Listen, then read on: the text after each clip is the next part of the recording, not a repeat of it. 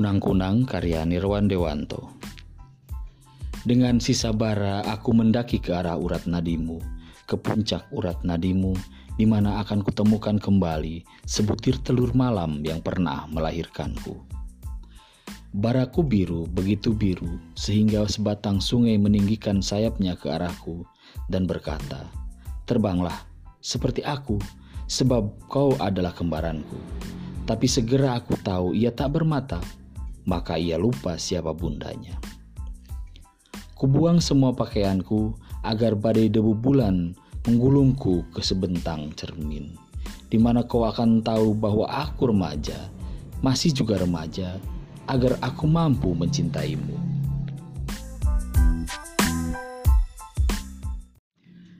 Kulupakan namaku ketika jutaan bulir padi mengepungku dan berseru, kau salah satu dari kami sebab parasmu pucat pasi.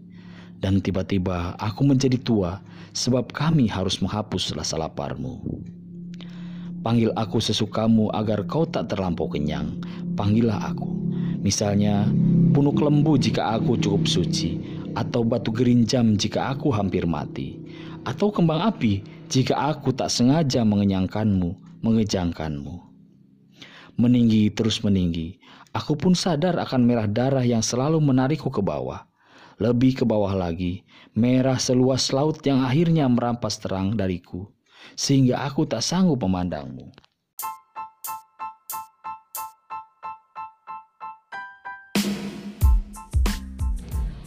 Baiklah, sudah kau reguk berbulir-bulir padaku maha biru, maka izinkan aku jadi buta dan bahagia, agar tak lagi aku mampu membedakan urat nadimu dari sang sungai yang selalu cemburu padaku. Di arus ganda, mengambang aku mencari puncakmu, tapi aku hanya sampai ke palungmu, di mana sebutir jantung hitam legam atau merah padam segera membenturku, meremukanku, menyerahkanku ke upuk terjauh. Setelah ia berkata, "Kau bukan anakku." Menatap ke cermin, kau tak akan sanggup lagi mencintaiku, sebab aku adalah kami, Zarah atau Zuhra, tak terbilang jumlah yang membubuhkan pajar terlalu lekas ke alis matamu.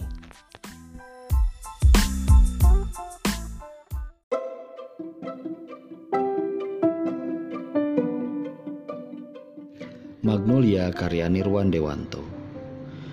Terlalu cepat terbuka jemari April ini. Putih ungu ketika salju masih suka memelihara rambutnya. Terlalu tajam bahkan hingga surya terhalang merangkai kalimat hijau yang mudah terbaca. Mungkin aku keliru melukiskan, maka jemari ini juga seperti Padma yang bersikeras meringkas kelopaknya sendiri. Ketika kalimat itu tiba-tiba melebat, julai rambut di antara lili dan nilaka.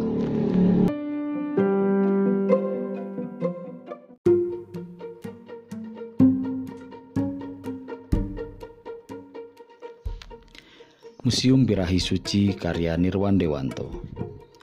Seperti ayam bekisar jantan, aku mencibir ke arah pagi yang terhalang oleh dinding-dinding ini. Seraya memuja lampai kakimu yang masih terbungkus sepatu Manolo Blahnik. Kau kagumi sayapku jika kau baru datang dari Mumbai atau Makau misalnya. Tapi lebih sering lagi, kau asah mulutmu dengan tajiku untuk menyangkal pemirsa yang mengeluh-elukanmu. Kaum barbar sudah mencapai pintu gerbang, kau berkata. Biarlah, mereka lebih lekas lagi sampai kemari, jawabku.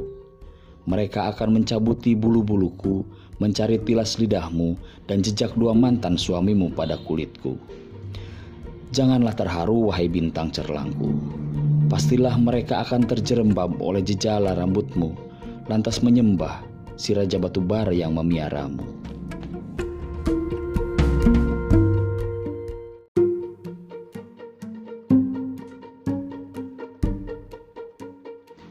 Benar, aku suka menggerakkanmu seperti boneka bunraku.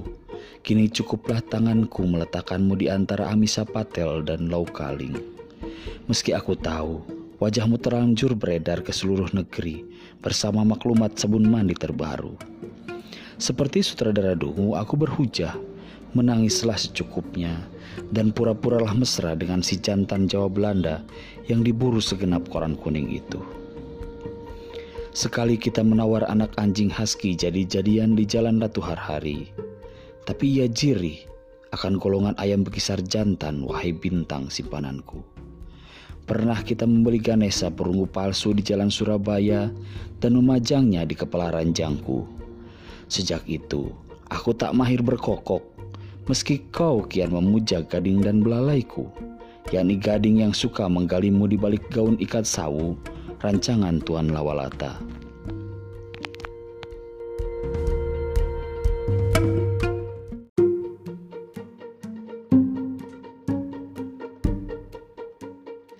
dan belalai yang mahir membidikmu dengan leisa lama, membuatmu tetap murni. Entahlah, murni atau semenjana, polos atau durjana. Bukankah setahun ini kugiring kau meninggi di depan candi Singasari? Melayang ke dinding Mughal, menggelombang di Teotihuacan, mempening di lubuk Raja Ampat, atau mengilau di Santorini. Biarlah malam di sini abadi sayangku, tapi kau berseru, mengaumlah, menyalalah, meledaklah.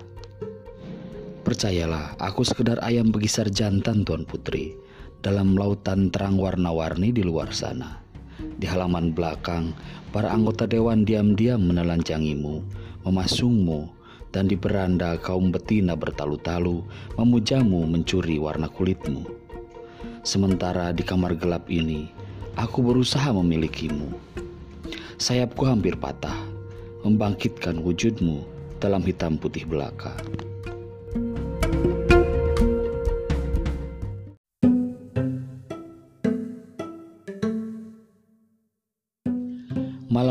Pengantin gaya pujangga baru karya Nirwan Dewanto.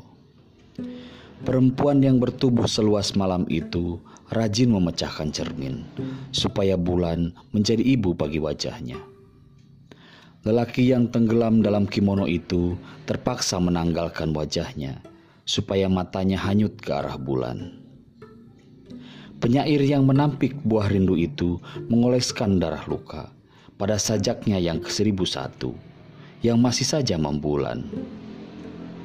Wahai pasangan yang lekas layu, lekaslah tamatkan bulan, supaya esok si penyair mencuri sepucuk bedil di tangsi polisi.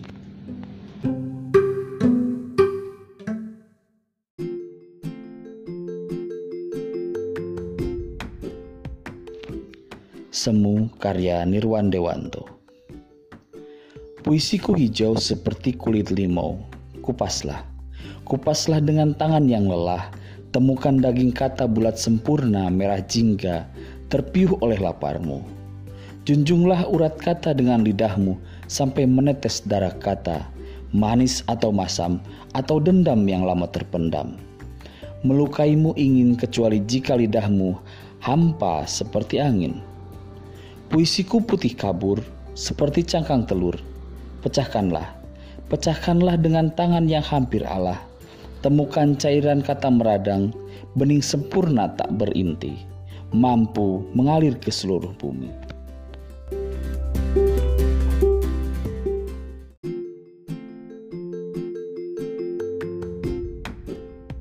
Tapi kau mencari jantung kata kuning yang kau anggap milikmu dan pernah nyala di lidah ibumu.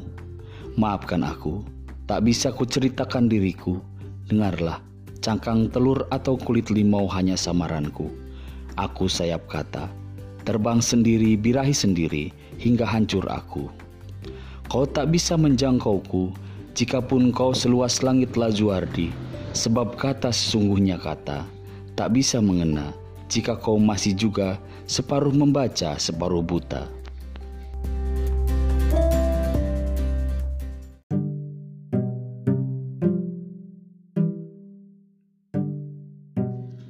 Perenang Buta karya Nirwan Dewanto Sepuluh atau seribu depa ke depan sana terang semata dan arus yang membimbingnya seperti sobekan pada jubah tanjung yang dicurinya.